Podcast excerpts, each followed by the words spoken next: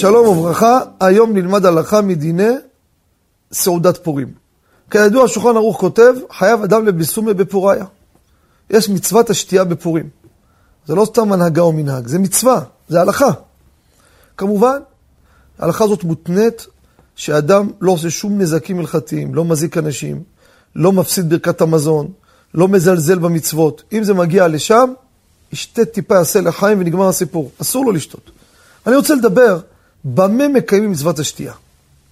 האם רק ביין, או יש הרבה אנשים לא אוהבים יין. אומנם בשנים האחרונות תרבות היין חוזרת, אבל עדיין יש הרבה צעירים לא שותים יין.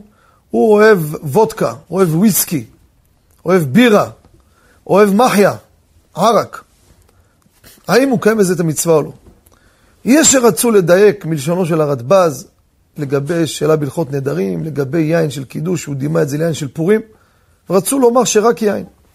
הדיוק הזה לא נראה. הביא דוגמה הרדב"ז. וגם בזה שלחתי את השאלה למרן רבי עובדיה, ואמרתי לו את מה שיצא לי, שלא נראה הדיוק הזה נכון. וגם בזה השיבני. וזה לא משנה ספרדים או אשכנזים. מצוות השתייה בפורים יוצאים בכל מיני משקאות חריפים. כל משקאות חריפים שיש, אדם יוצא. כמו שאמרתי, אדם לא אוהב את זה, ישתה מהסוג השני. אבל שיעור השתייה, מעט מהרגלו. כמה תרגיל, ככה, תשתה עוד טיפה יותר, זהו. וכל זה אמרתי בתנאי, שלא עושה טעויות.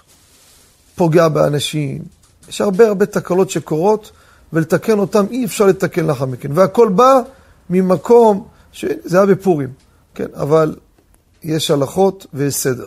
לכן צריך להיזהר בדבר הזה, להיות ערני חכם עיניו וראשו.